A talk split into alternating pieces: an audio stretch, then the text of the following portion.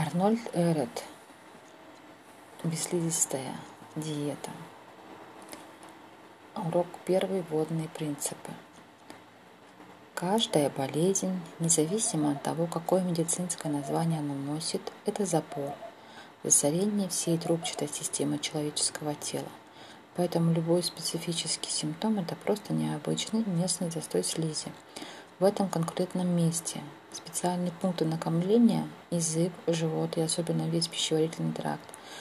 Последний является реальной и более глубокой причиной запора в кишечнике. Среднестатистический человек непрерывно носит с собой в кишках приблизительно десять фунтов неустраненных фекалий которые отправляют отравляют кровоток и всю систему. Вдумайтесь в это. У каждого больного человека есть более или менее забитая слизью система Слизь получается из неусвоимых и неустраненных неестественных веществ пищи, накопленных с детства.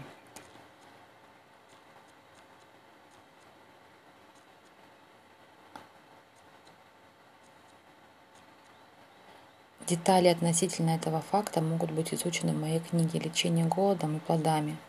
Моя теория слизи и целебная система бесслизистой диеты остается непоколебимой – она доказала самое успешное компенсационное действие, так называемое исцеление против каждого вида болезни. Применяя его систематически, тысячи пациентов, объявленных неизлечимыми, могут быть спасены. Бесслизистая диета состоит из двух видов сырых и приготовленных фруктов, некрахмалистых овощей и приготовленных или сырых трав. Целебная система бесслизистой диеты – комбинация индивидуально определенных длительных или коротких голоданий – с прогрессивно изменяющим меню из продуктов, не формирующих слизи. Однако только эта диета может излечить любую болезнь без голодания, хотя такое лечение будет более длительного времени. Сама система будет разнесена более поздних уроков. Однако, чтобы знать, как применять систему, чтобы понять, как и почему она работает, необходимо освоить, освободить ваш разум от медицинских ошибок. Частично принятых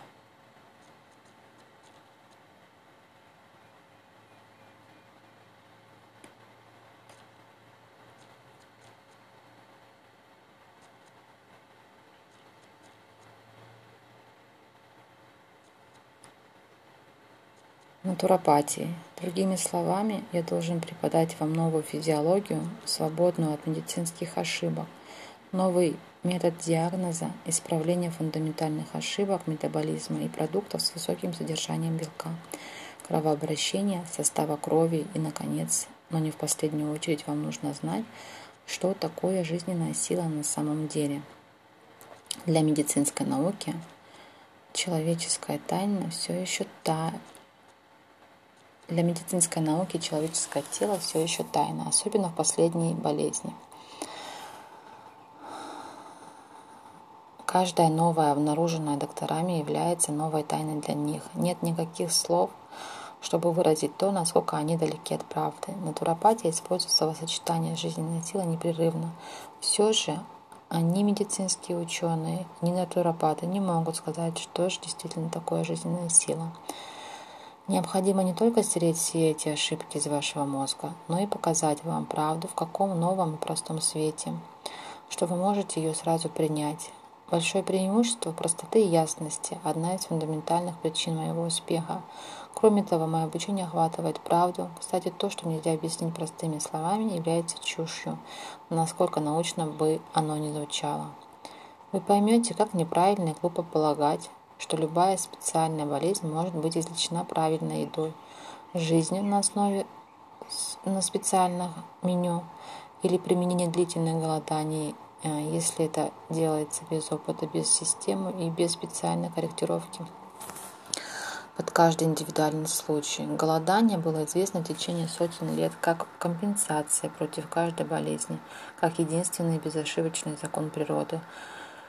То же самое касается безлизистой диеты, как заявлено в книге «Бытия» про фрукты и травы. Но почему они никогда не входили в общее употребление и приносили универсальный успех? Поскольку никогда не использовались систематически в соответствии с состоянием пациента. У среднестатистического человека нет ни малейшей идеи насколько необходимым является процесс элиминации, сколько времени он требует, как и как часто его диета должна быть изменена, что нужно, чтобы очистить тело от ужасного количества нечистот, накопившихся в нем на протяжении жизни. Болезнь, усилие, усилие тела, устранить отходы, слить токсины. И эта система помогает природе самым прекрасным естественным способом. Не болезнь, но тело должно быть излечено. Его следует чистить, освободить от ненужных и чужеродных веществ, от слизи, от токсинов, накопленных с самого детства. Вы не можете купить здоровье в бутылочке. Вы не можете излечить свое тело, то есть очистить вашу систему всего за несколько дней. Вы должны компенсировать зло, причиненное телу на протяжении всей вашей жизни. Моя система не лечение или лекарство, она регенерация, генеральная уборка – приобретение такого чистого и прекрасного здоровья, которого вы никогда не знали прежде. Помните ваше органическое препятствие во всех системах тела, корень каждой болезни.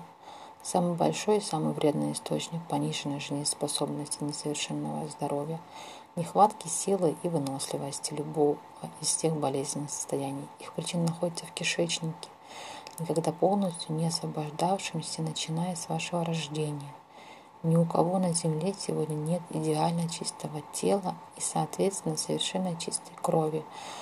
То, что медицина называет нормальным здоровьем, фактически патологическое состояние.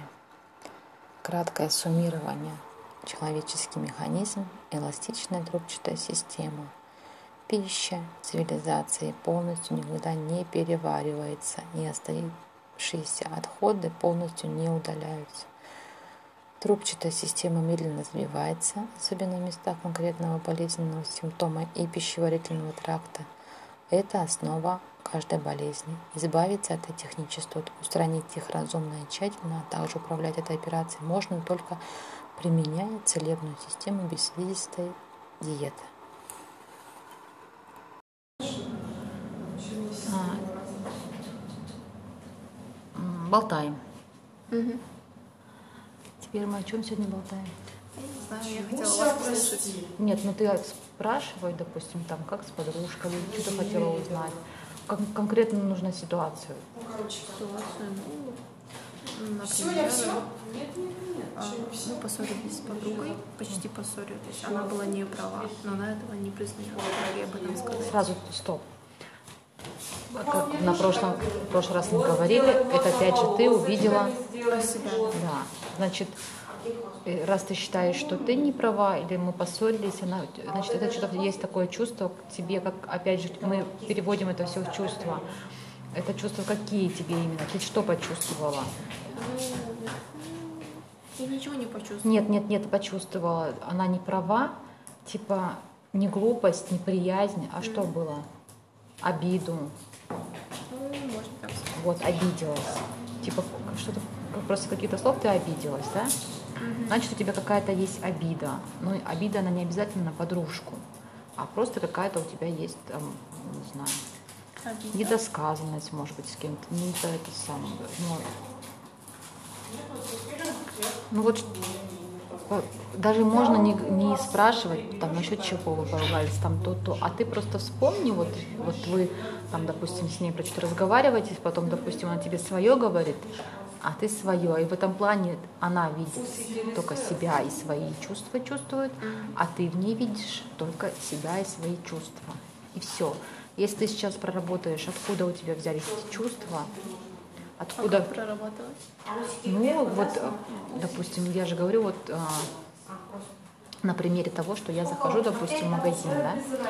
В прошлый раз был продуктовый, сейчас я захожу, допустим, в магазин одежды, там что-то выбираю, там, там даже не, не важно, там, сколько у меня денег, что, что я выбираю. И вот мне, допустим, там рядом продавец, либо консультант, я тоже к нему каким-то, ну вот к окружающим людям я какие-то испытываю чувства. Если я в хорошем настроении, то мне все нравится. Мне нравится и там, допустим, там продавец, мне нравится, допустим, одежда, а мне там там чисто, аккуратно, там даже если там грязно, там, но я это не вижу. В общем, атмосфера, если я в счастье, в радости, в гармонии, мне все нравится. Я все это принимаю, даже если там, допустим, может быть, сама по себе, ну, мой мир, Мама. Э, э, все, я это только я, все остальное это мое продолжение и отражение. Отражение сначала, я в других людях вижу свое отражение и продолжение. И, допустим, я в хорошем настроении пришла, прогулялась, купила, я ходила, пошла, попила кофе, посидела там в магазинах, там кондиционер прохладный, на, на улице жарко, пошла в кафе, допустим, там какой-то ветерок или там, ну, как его, вентилятор, либо там, ну, в общем, вышла на улицу, а там такой птички поют, свежий воздух, и типа я счастье, радость, я кайфую, да, по кайфу все. А теперь вот смотрим, допустим, ты там, ну, ты везде, вот ты, ты же не, не вчера, не сегодня, ты всегда здесь и сейчас. Ты же себя не помнишь там, там вчерашние чувства, там, позавчера. Ты можешь, ну как, представить, допустим, определенного человека, и ты к нему определенные чувства испытываешь. Опять же, это не этот человек. Это ты. Но почему получается так, то, что это именно я? Ну, э, ну ты же не можешь прочувствовать другого человека. Ну вот как мама может прочувствовать, допустим, там, вот, вот смотри, мы родились, у нас, допустим, определенные мама, папа, определенные у них там между собой отношения были, определенная школа, опять же, мы хотели, не хотели, душа уже с определенными там, ну, может быть, мы слипиваем в течение жизни, но это же тоже от нуля идет. У кого-то была бабушка, дедушка, у кого-то была добрая бабушка, дедушка, у кого-то было там то-то, но это тоже не важно в том плане, что по, вообще, в общем, что никому не будет. А зачем мы, сама душа захотела этого опыта. Угу. Это тот, про, про, она проживает здесь. Только опыт может быть, ну сейчас уже в более осознанном возрасте, допустим, мы можем сказать, что этот опыт, что опыт может быть, мы говорили, что опыт можно прожить как физически, так и ментально. Угу. Вот, допустим, та же самая, вы с подружкой сейчас пока не общаетесь. Нет, не общаемся.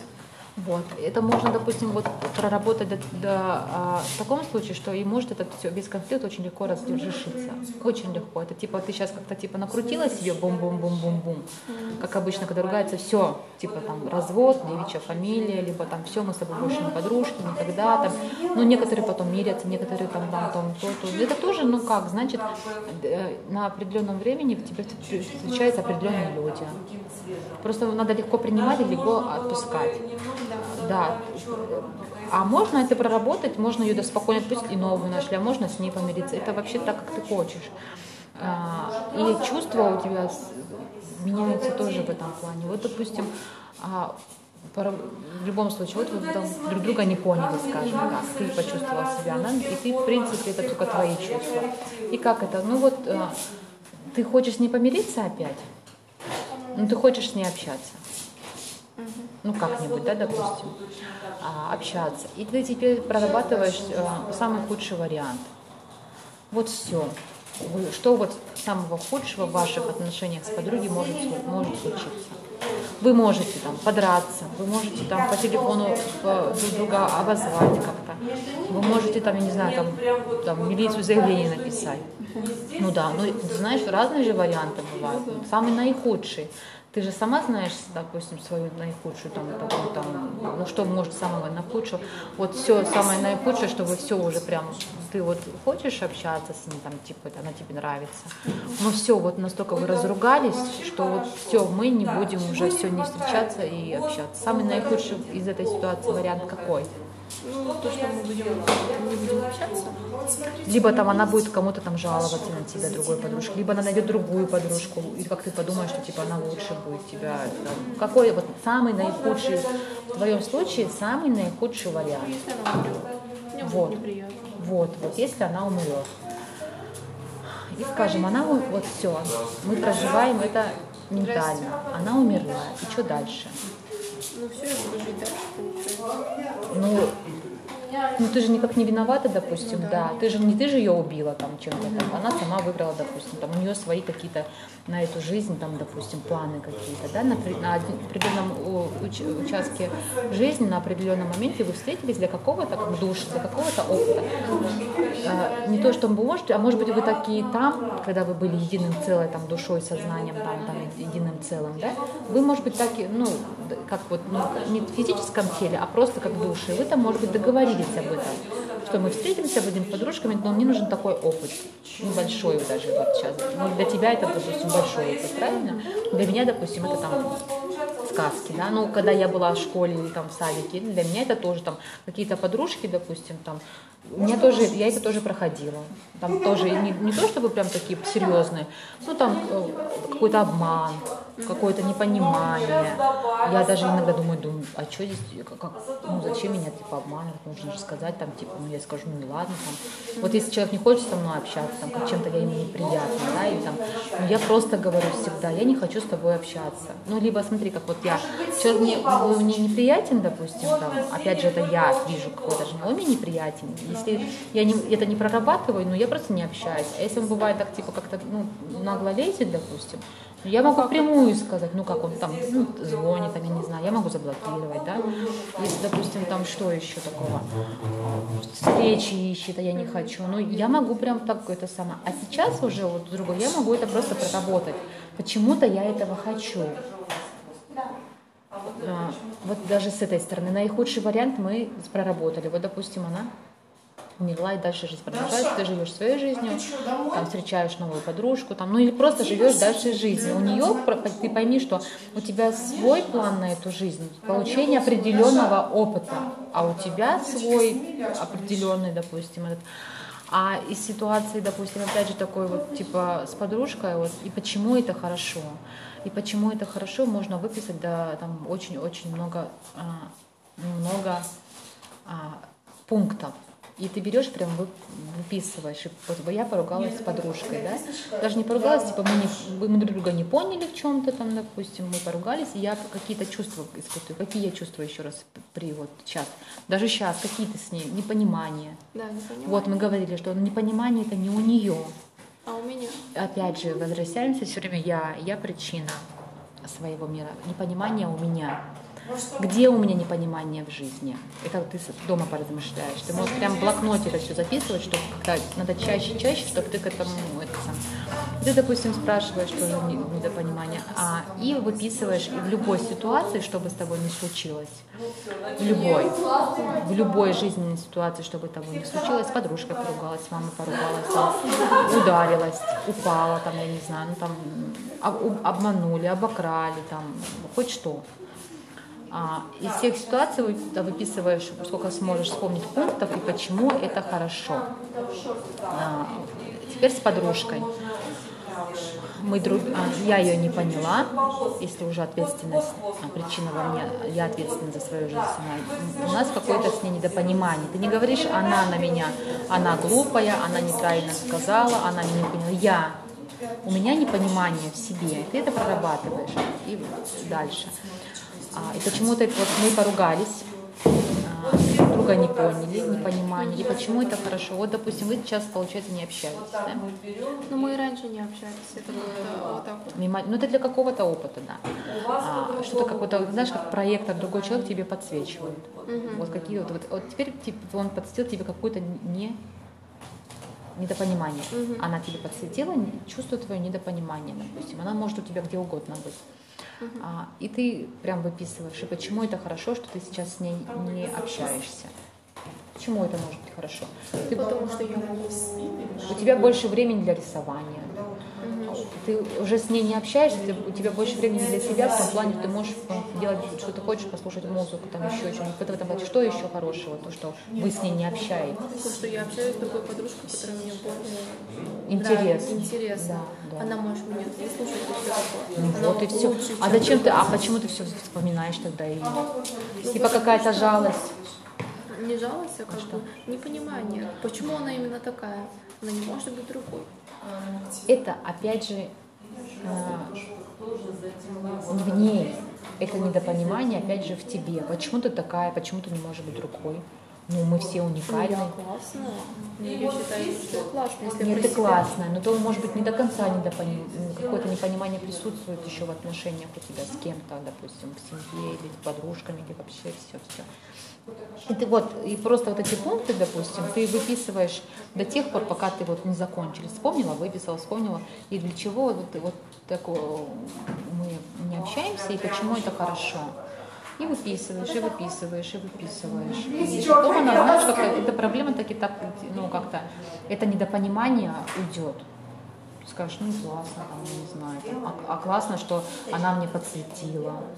А классно. Короче, это должно быть как-то классно закончиться. Либо не как, ну как, ну типа классно закончится, то как легко, просто, в смысле, это тебя отпустит. А вот эта ситуация тебя просто отпустит, и все ты скажешь, а классно, что так получилось. Ну, я не знаю, как, допустим, опять же, тоже интересно, как это, когда ты, ты вот это трансформируешь, трансформируешь, это, это как у тебя работа с собой, трансформируешь, трансформируешь, а потом в конце ты тоже выписал, и почему это хорошо. А, и потом интересно, как это все произойдет, ну, с плюсом для тебя, чтобы ты осталась в счастье, в радости, в хорошем настроении, в позитивном. Ну, я могу сейчас на это ответить у меня будет э, больше времени подумать о, как бы, о том, как не надо делать и как нужно сделать. Она как этот пример. Это, это, это, это просто как опыт получается, и все. Но э, ты не можешь тоже... А, ну, в принципе, ты можешь, говорю же, все какие-то варианты проживать ментально. Вот, допустим, те же самые страхи. Почему это хорошо? Это какой-то, скажем, был для тебя как урок, опыт. Mm-hmm. Да, ты уже стала более опытна в каком-то там, каком-то, допустим, моменте или в каком-то этом. А, интересно, как это произойдет. А потом, вот, допустим, со страхами тоже. Если какой-то у тебя самый такой сильный страх есть, а, если его нет? Например? Я не боюсь сейчас ничего. Ну и все, ты в духе, значит. Ну, как вот в хорошем настроении, в счастье, в радости, в гармонии, там, в духе просто, и так бывает тоже. А знаешь, когда мы в духе, когда мы творим, как творцы, творец, который что-то там создает, там то-то, он в духе. Как только мы там поели, покушали, там что-то занялись чем-то, мы ни к чему не хотим, вот, допустим, прям настойчиво мама тебя заставляет что-то сделать, ты не хочешь, ты все равно там чувство жалость, там то-то идешь, либо убегаешь, прячешься, либо идешь, когда ты там делаешь что-то не хочешь, ты уже немножко какие-то чувства у тебя вызывают. Там. Ну, я же, да, я не знаю же прям конкретно, это же на конкретную ситуацию, но я так на, на общих примерах, да, говорю.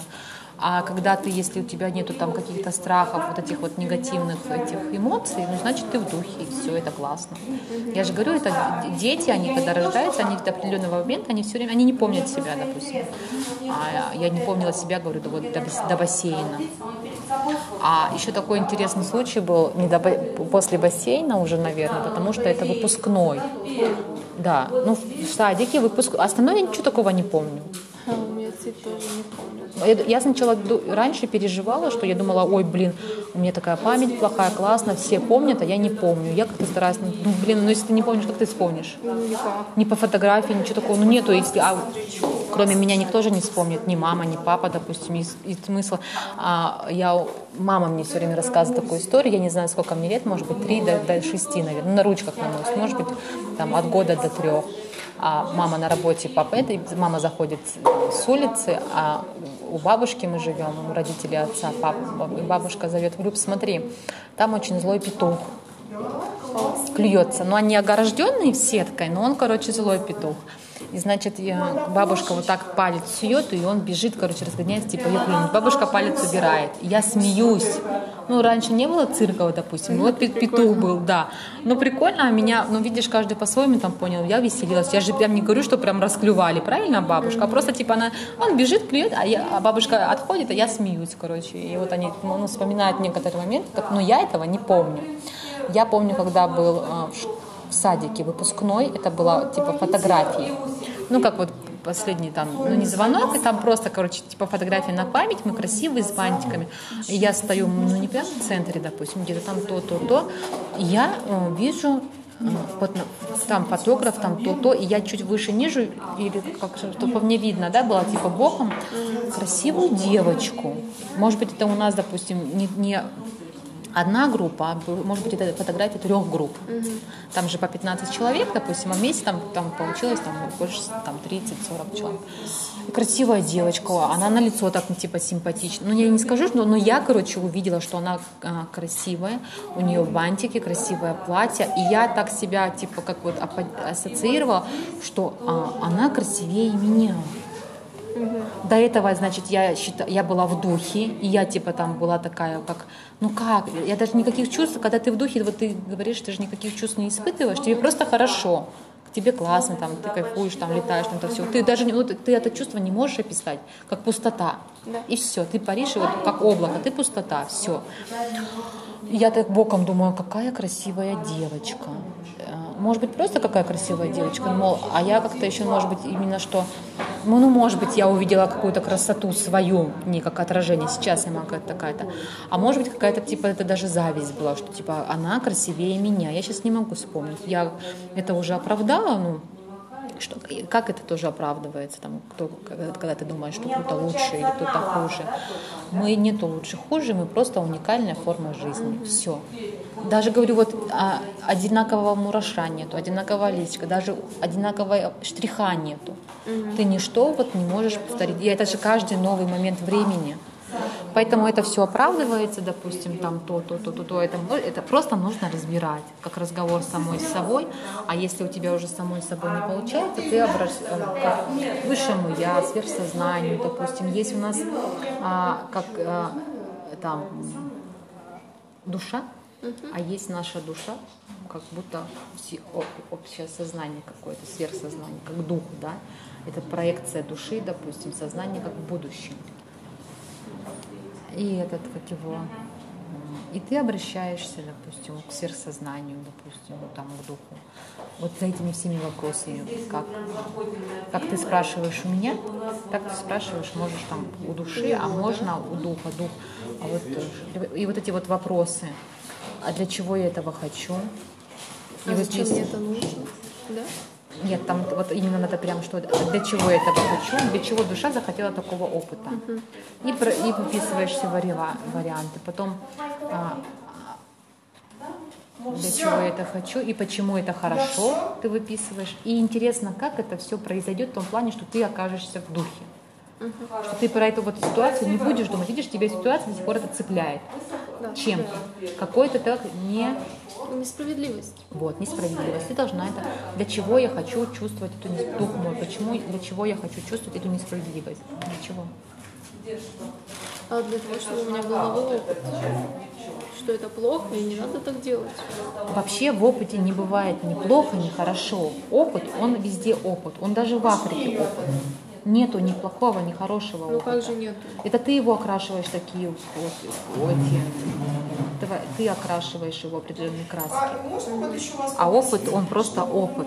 Просто этот опыт ты можешь физически прожить, а можешь ментально. Я говорю, самый наихудший вариант.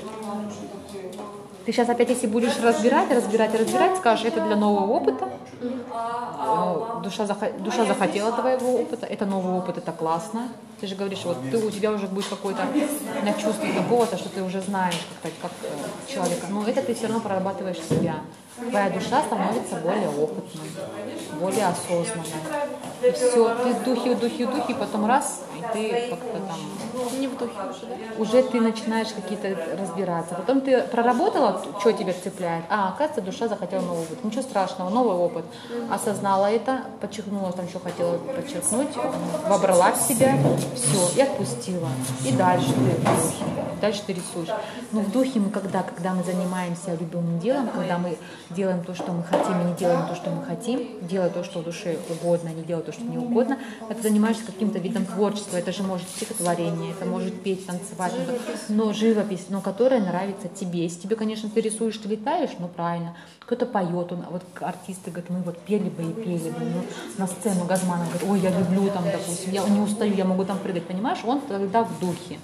И если ты делаешь то, что тебе нравится, и ты от этого наполняешься, ты вот ты бы там то, а когда ты делаешь то, что тебе не нравится через силу, ты все уже, ты получается какой-то слив энергии, ты вроде там сделала, там, там подмела двор, там что-то такое-то, а ты от него типа не наполнилась. Ну, там ты должна пойти делать то, что ты сразу научиться быстро переключаться. А, а что я сейчас хочу?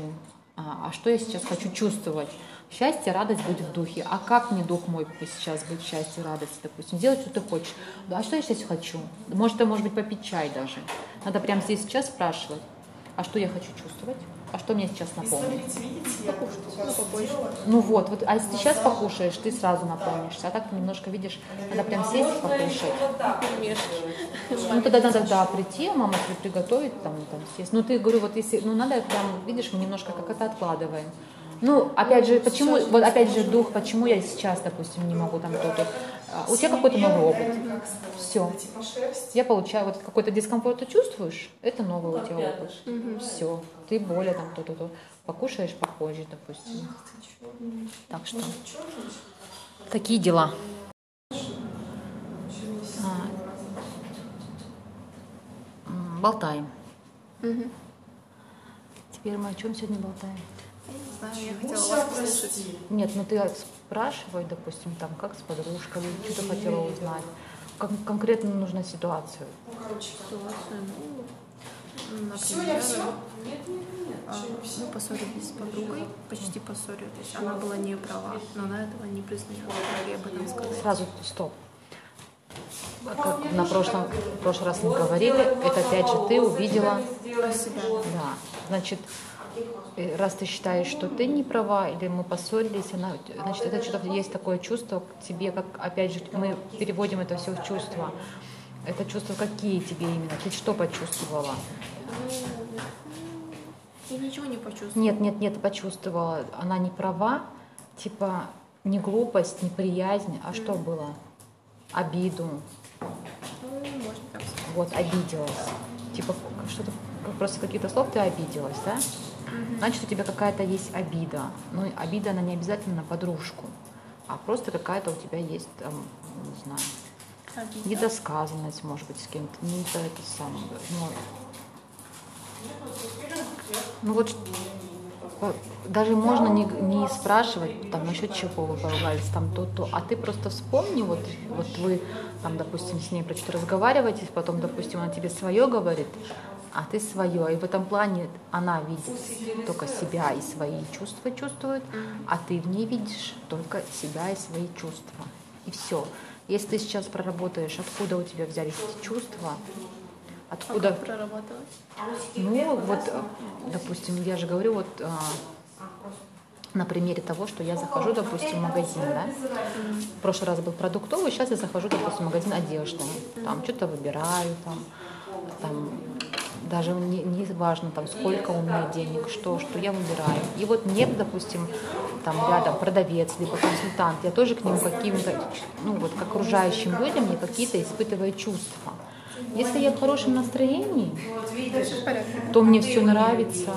Мне нравится и там, допустим, там продавец, мне нравится, допустим, одежда, а мне там там чисто, аккуратно, там даже если там грязно, там, но я это не вижу. В общем, атмосфера, если я в счастье, в радости, в гармонии, мне все нравится, я все это принимаю, даже если там, допустим, может быть, сама по себе, ну, мой мир, Мама.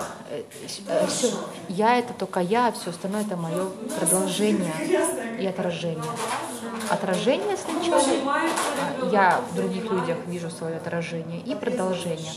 И, допустим, я в хорошем настроении пришла, прогулялась, купила, я ходила, пошла, попила кофе, посидела там в магазинах, там кондиционер прохладный, если на улице жарко, пошла в кафе, допустим, там какой-то ветерок или там, как его, вентилятор, либо там, ну, в общем, вышла на улицу, а там такой птички поют, свежий воздух, и типа я счастье, радость, я кайфую, да, по кайфу все. А теперь вот смотрим, допустим, ты там, ну, ты везде, вот ты, ты же не, не вчера, не сегодня, ты да, здесь и сейчас. Ты же себя не помнишь там, там вчерашние чувства, там, позавчера. Ты можешь, ну как, представить, допустим, определенного человека, и ты к нему определенные чувства испытываешь. Опять же, это не этот человек. Это ты. Но почему получается так, то, что это именно я? Ну, э, ну ты же не можешь прочувствовать другого человека. Ну вот как мама может прочувствовать, допустим, там, вот, вот смотри, мы родились, у нас, допустим, определенные мама, папа, определенные у них там между собой отношения были, определенная школа, опять же, мы хотели, не хотели, душа уже с определенными там, ну, может быть, мы свипиваем в течение жизни, но это же тоже от нуля идет. У кого-то была бабушка, дедушка, у кого-то была добрая бабушка, дедушка, у кого-то было там то-то, но это тоже не важно в том плане, что по, вообще, в общем, что а, никому-нибудь. А зачем нам самим? Мы, сама душа захотела этого опыта. Это тот, про, про, она проживает здесь. Только опыт может быть, ну сейчас уже в более осознанном возрасте, допустим, мы можем сказать, что этот опыт, что опыт может быть, мы говорили, что опыт можно прожить как физически, так и ментально. Вот, допустим, та же самая, вы с подружкой сейчас пока не общаетесь. Нет, не общаемся. Вот. Это можно, допустим, вот проработать до, а, в таком случае, что и может это все без конфликта очень легко разрешиться. Очень легко. Это типа ты сейчас как-то типа накрутила себе бум-бум-бум-бум-бум. Как обычно, когда ругается, все, типа там развод, девичья фамилия, либо там все, мы с тобой больше не подружки, никогда там. Ну, некоторые потом мирятся, некоторые там, там, там, то, то. Это тоже, ну как, значит, э, на определенном времени в тебе встречаются определенные люди. Просто надо легко принимать и легко отпускать. Да.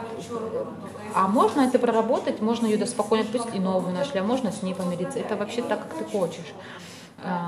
И чувства у тебя меняются тоже в этом плане. Вот, допустим, в любом случае, вот вы там друг друга не поняли, скажем так, ты почувствовала себя, она, и ты, в принципе, это только твои чувства.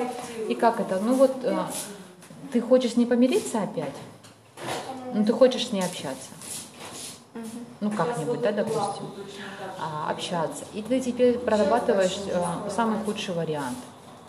Вот все. Что вот самого худшего в ваших отношениях с подругой может, может случиться? Вы можете там подраться, вы можете там по телефону э, друг друга обозвать как-то, вы можете там, я не знаю, там, там милицию заявление написать. Ну да, ну знаешь, разные же варианты бывают. Самый наихудший. Ты же сама знаешь, допустим, свою наихудшую, там, такую, там, ну что может самого наихудшего.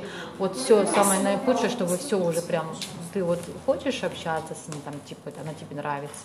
Но все, вот настолько вы разругались, что вот все, мы не будем уже все не встречаться и общаться. Самый наихудший из этой ситуации вариант какой? Ну, то, что мы будем, не будем общаться. Либо там она будет кому-то там жаловаться на тебя, другой подружке, либо она найдет другую подружку, или как ты подумаешь, что типа она лучше будет тебя. Там, какой вот самый наихудший, в твоем случае, самый наихудший вариант? Вот, вот, вот, если она умрет.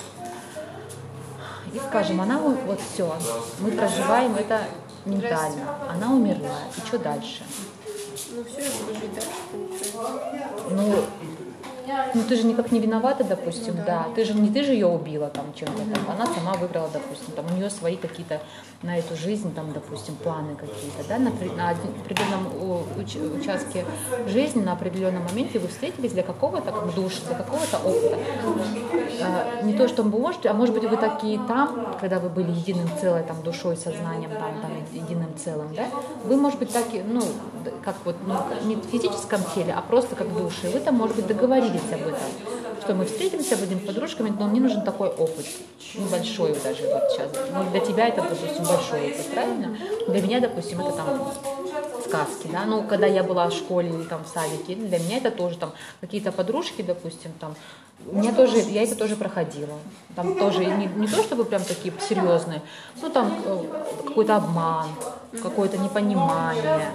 Я даже иногда думаю, думаю, а что здесь, как, ну зачем меня типа обманывать, нужно же сказать там, типа, ну я скажу, ну ладно, там. Вот если человек не хочет со мной общаться, там, как чем-то я ему неприятна, да, и там, ну я просто говорю всегда, я не хочу с тобой общаться. Ну, либо смотри, как вот я, человек мне, ну, мне неприятен, допустим, там, опять же, это я вижу какой-то же, он мне неприятен. Если я не, это не прорабатываю, ну я просто не общаюсь. А если он бывает так, типа, как-то, ну, нагло лезет, допустим, я могу прямую сказать, ну как он там ну, звонит, там, я не знаю, я могу заблокировать, да. Если, допустим, там что еще такого, встречи ищет, а я не хочу, ну я могу прям так это самое. А сейчас уже вот другой, я могу это просто проработать. Почему-то я этого хочу. А, вот даже с этой стороны. Наихудший вариант мы проработали. Вот, допустим, она дальше жизнь продолжается, ты живешь своей жизнью, там встречаешь новую подружку, там, ну или просто живешь дальше жизнью. У нее ты пойми, что у тебя свой план на эту жизнь, получение определенного опыта, а у тебя свой определенный, допустим, этот.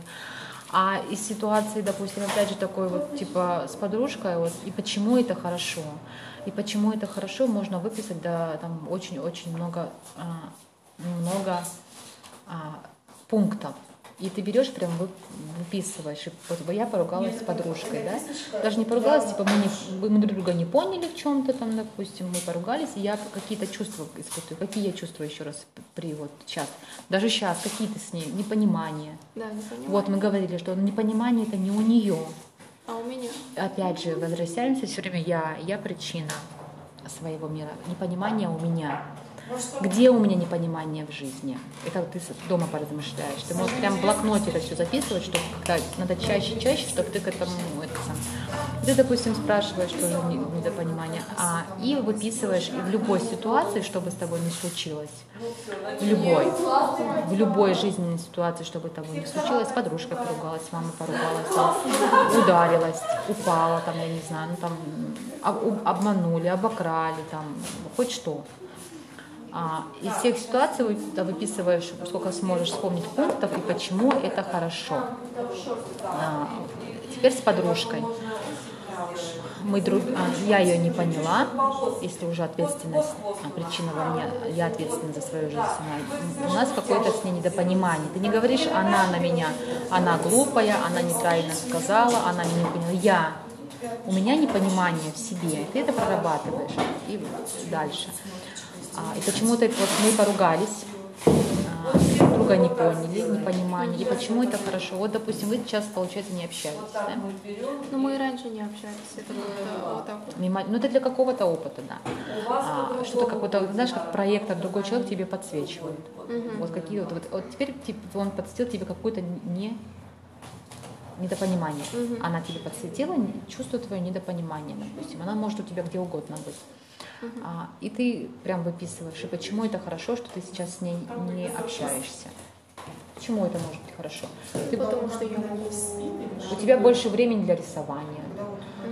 Ты уже с ней не общаешься, у тебя больше времени для себя, в том плане, ты можешь э, делать, что ты хочешь, послушать музыку, там еще что-нибудь. В этом что еще хорошего, то, что вы с ней не общаетесь. То, что я общаюсь с такой подружкой, которая мне более Интерес. интересно. Да, да. Она может меня выслушать и. Ну Она вот и все. лучше, А чем зачем ты, а почему ты все вспоминаешь тогда ее? Типа какая-то жалость. Не жалость, а как бы непонимание. Почему она именно такая? Она не может быть другой. Это опять же э, не в ней. Это недопонимание опять же в тебе. Почему ты такая, почему ты не можешь быть другой? Ну, мы все Ну, уникальны. я классная. Ну, я считаю, что я классная. Если Нет, ты себя. классная, но то, может быть, не до конца недопоним... какое-то непонимание присутствует еще в отношениях у тебя с кем-то, допустим, в семье или с подружками, или вообще все-все. И ты вот, и просто вот эти пункты, допустим, ты выписываешь до тех пор, пока ты вот не закончили. Вспомнила, выписала, вспомнила. И для чего вот, вот такое мы не общаемся, и почему это хорошо. И выписываешь, и выписываешь, и выписываешь. И потом она, знаешь, как эта проблема таки так, ну, как-то, это недопонимание уйдет. Скажешь, ну классно, там, не знаю, там, а, а классно, что она мне подсветила. А классно. Короче, это должно быть как-то классно закончиться. Либо не как, ну как, ну типа классно закончится, то как легко, просто, в смысле, это тебя отпустит. А вот эта ситуация тебя просто отпустит, и все. Ты скажешь, а классно, что так получилось. Ну, я не знаю, как, допустим, опять же, тоже интересно, как это, когда ты, ты- ты вот это трансформируешь, трансформируешь, это, как у тебя работа с собой, трансформируешь, трансформируешь, а потом в конце ты тоже выписал, и почему это хорошо. А, И потом интересно, как это все произойдет, ну, с плюсом для тебя. Чтобы ты осталась в счастье, в радости, в хорошем настроении, в позитивном. Но я могу сейчас на это ответить. У меня будет э, больше времени подумать о, как бы, о том, как не надо делать и как нужно сделать. Она как этот пример. Это, это, это- это просто как опыт получается, и все. Но э, ты не можешь тоже... А, ну, в принципе, ты можешь, говорю же, все какие-то варианты проживать ментально. Вот, допустим, те же самые страхи. Почему это хорошо? Это какой-то, скажем, был для тебя как урок, опыт. Да, ты уже стала более опытна в каком-то там, в каком-то, допустим, моменте или в каком-то этом. А, Интересно, как это произойдет. А потом, вот, допустим, со страхами тоже. Если какой-то у тебя самый такой сильный страх есть, А, если его нет, например, я не боюсь сейчас ничего. Ну и все, ты в духе, значит. Ну, как в хорошем настроении, в счастье, в радости, в гармонии там. в духе просто, и так бывает тоже. А знаешь, когда мы в духе, когда мы творим, как творцы. Творец, который что-то там создает, там то-то, он в духе. Как только мы там поели, покушали, там что-то занялись чем-то, мы ни к чему не хотим, вот, допустим, прям настойчиво мама тебя заставляет что-то сделать, ты не хочешь, ты все равно там чувство жалость, там то-то идешь, либо убегаешь, прячешься, либо идешь, когда ты там делаешь что-то не хочешь, ты уже немножко какие-то чувства по тебя вызывают. Там. Ну я же, да, я не знаю же прям конкретно, это же на конкретную ситуацию, но я так на, на общих примерах, да, говорю. А когда ты, если у тебя нету там каких-то страхов, вот этих вот негативных этих эмоций, ну, значит, ты в духе, и все, это классно. Я же говорю, это дети, они когда рождаются, они до определенного момента, они все время, они не помнят себя, допустим. А я не помнила себя, говорю, вот, до, до бассейна. А еще такой интересный случай был не до, после бассейна уже, наверное, потому что это выпускной. Да, ну в садике выпуск. Остальное я ничего такого не помню. Тоже не помню. Я сначала раньше переживала, что я думала, ой, блин, у меня такая память плохая, классно, все помнят, а я не помню. Я как-то стараюсь, ну, блин, ну если ты не помнишь, как ты вспомнишь? Ни по фотографии, ничего такого, ну нету, если, а кроме меня никто же не вспомнит, ни мама, ни папа, допустим, и, и смысла. А, я, мама мне все время рассказывает такую историю, я не знаю, сколько мне лет, может быть, три до, до шести, наверное, ну, на ручках на нос, может быть, там, от года до трех а мама на работе, папа это, мама заходит с улицы, а у бабушки мы живем, у родителей отца, папа, бабушка зовет в группу, смотри, там очень злой петух клюется. Но он не огражденный сеткой, но он, короче, злой петух. И, значит, бабушка вот так палец сует, и он бежит, короче, разгоняется, типа, я клюнет. Бабушка палец убирает. Я смеюсь. Ну, раньше не было цирка, допустим. Вот петух был, да.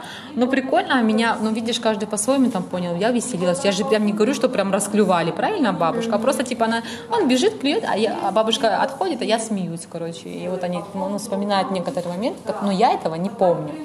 Я помню, когда был в садике выпускной, это была типа фотографии. Ну, как вот последний там, ну не звонок, и там просто, короче, типа фотография на память, мы красивые с бантиками.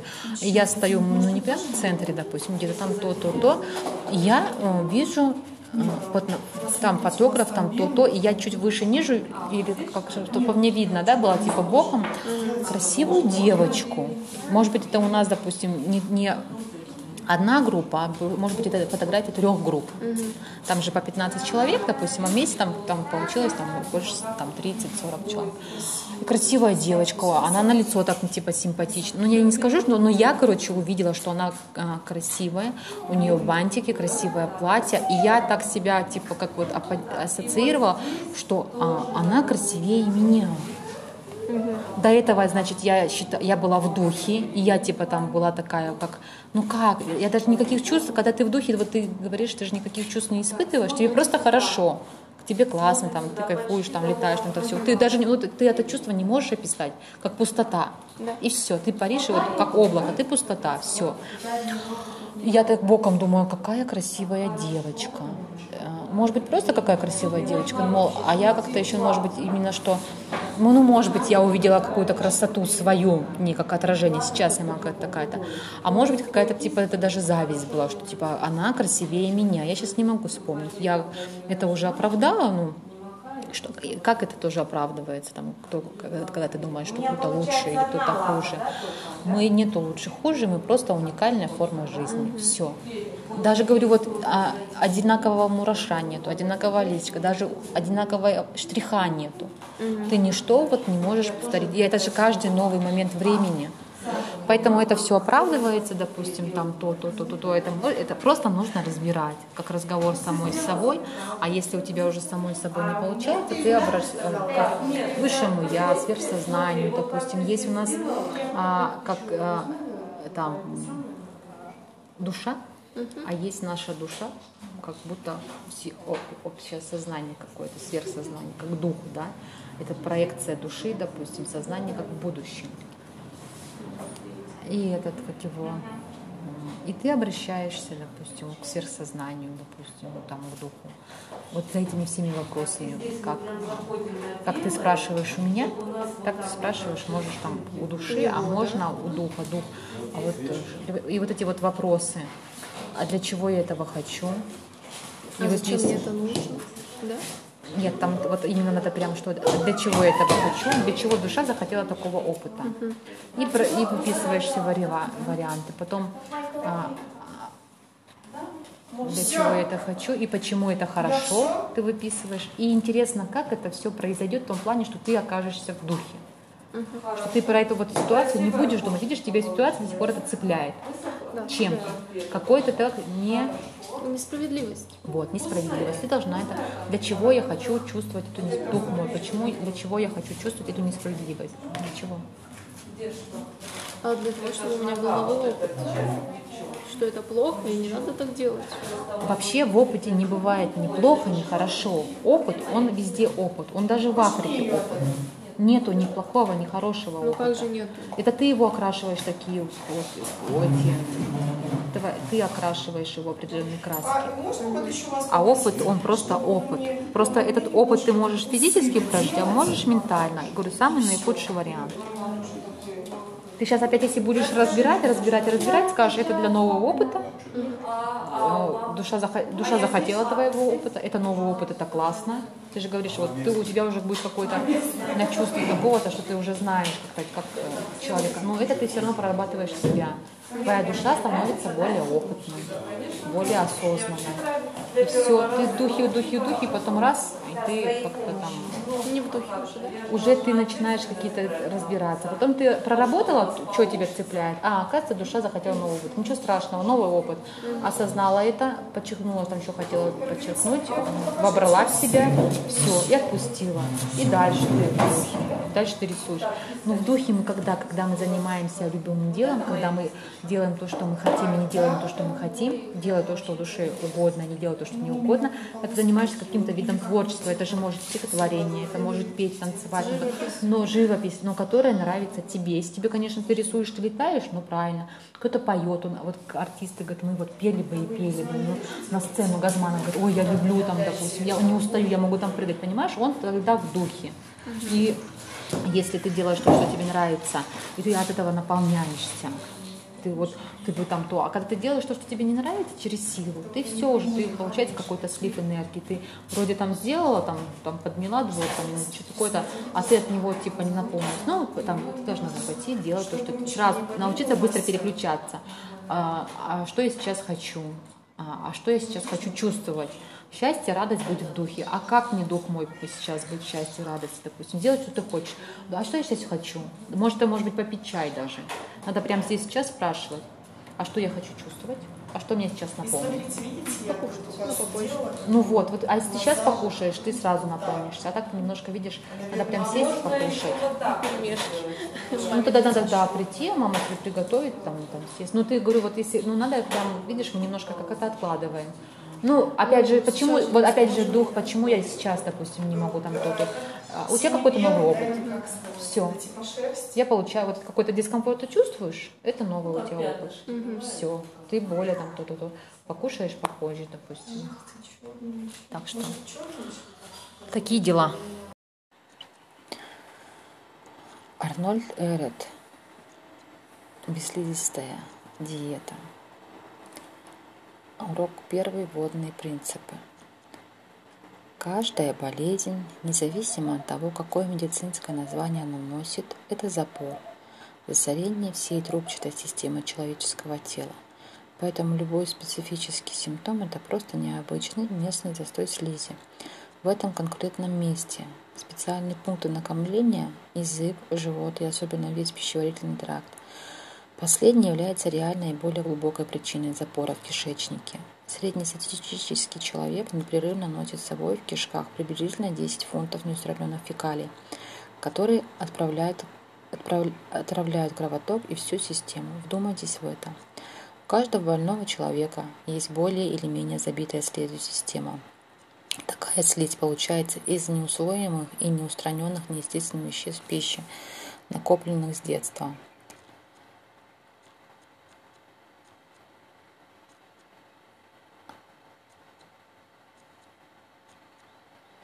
Детали относительно этого факта могут быть изучены в моей книге «Лечение голодом и плодами». Моя теория слизи и целебная система бесслизистой диеты остается непоколебимой. Она доказала самое успешное компенсационное действие. так называемое исцеление против каждого вида болезни. Применяя его систематически, тысячи пациентов, объявленных неизлечимыми, могут быть спасены. Бесслизистая диета состоит из двух видов сырых и приготовленных фруктов, некрахмалистых овощей и приготовленных или сырых трав. Целебная система бесслизистой диеты – комбинация индивидуально определенных длительных или коротких голоданий с прогрессивно изменяющим меню из продуктов, не формирующих слизи. Однако только эта диета может излечить любую болезнь без голодания, хотя такое лечение будет более длительного времени. Сама система будет разнесена более поздних уроков. Однако, чтобы знать, как применять систему, чтобы понять, как и почему она работает, необходимо освоить, освободить ваш разум от медицинских ошибок, частично принятых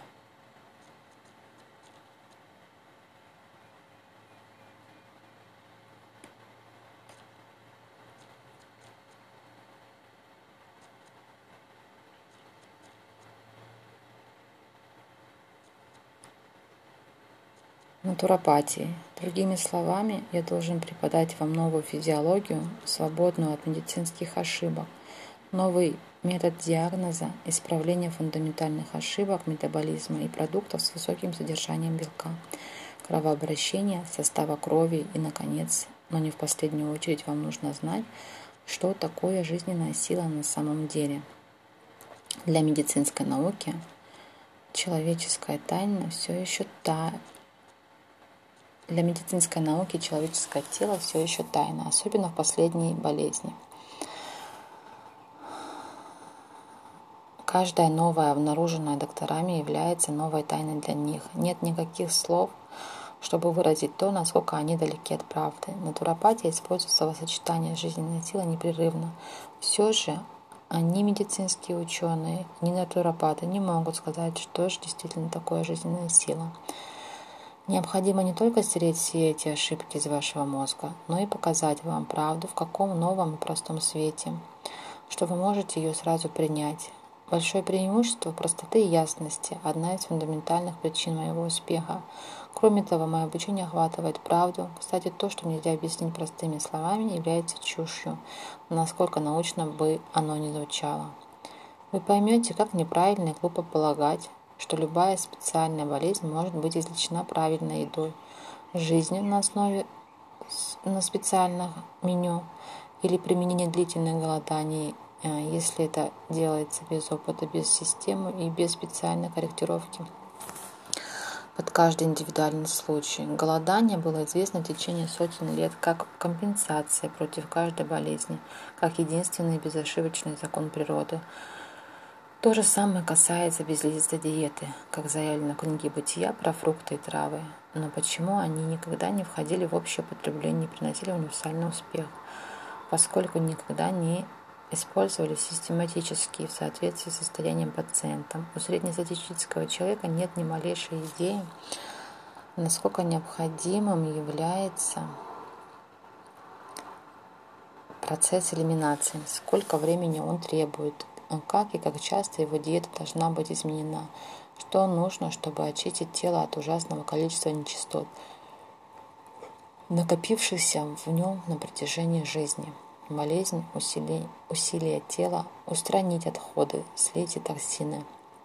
И эта система помогает природе самым прекрасным естественным способом. Не болезнь, но тело должно быть излечено. Его следует чистить, освободить от ненужных и чужеродных веществ, от слизи, от токсинов, накопленных с самого детства. Вы не можете купить здоровье в бутылочке. Вы не можете излечить свое тело, то есть очистить вашу систему всего за несколько дней. Вы должны компенсировать зло, причиненное телу на протяжении всей вашей жизни. Моя система не лечение или лекарство, она регенерация, генеральная уборка – приобретение такого чистого и прекрасного здоровья, которого вы никогда не знали прежде. Помните, ваше органическое препятствие во всех системах тела, корень каждой болезни. Самый большой и самый вредный источник пониженной жизнеспособности несовершенного здоровья, нехватки силы и выносливости любого из тех болезненных состояний. Их причина находится в кишечнике. Никогда полностью не освобождавшимся, начиная с вашего рождения. Ни у кого на Земле сегодня нет идеально чистого тела и, соответственно, совершенно чистой крови. То, что медицина называет нормальным здоровьем, фактически патологическое состояние. Краткое суммирование. Человеческий механизм, эластичная трубчатая система – Пища цивилизации полностью никогда не переваривается, и оставшиеся отходы полностью не удаляются.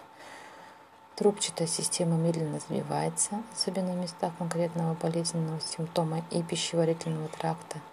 Это основа каждой болезни. Избавиться от этих нечистот, устранить их разумно и тщательно, а также управлять этой операцией можно только применяя целебную систему бесслизистой диеты.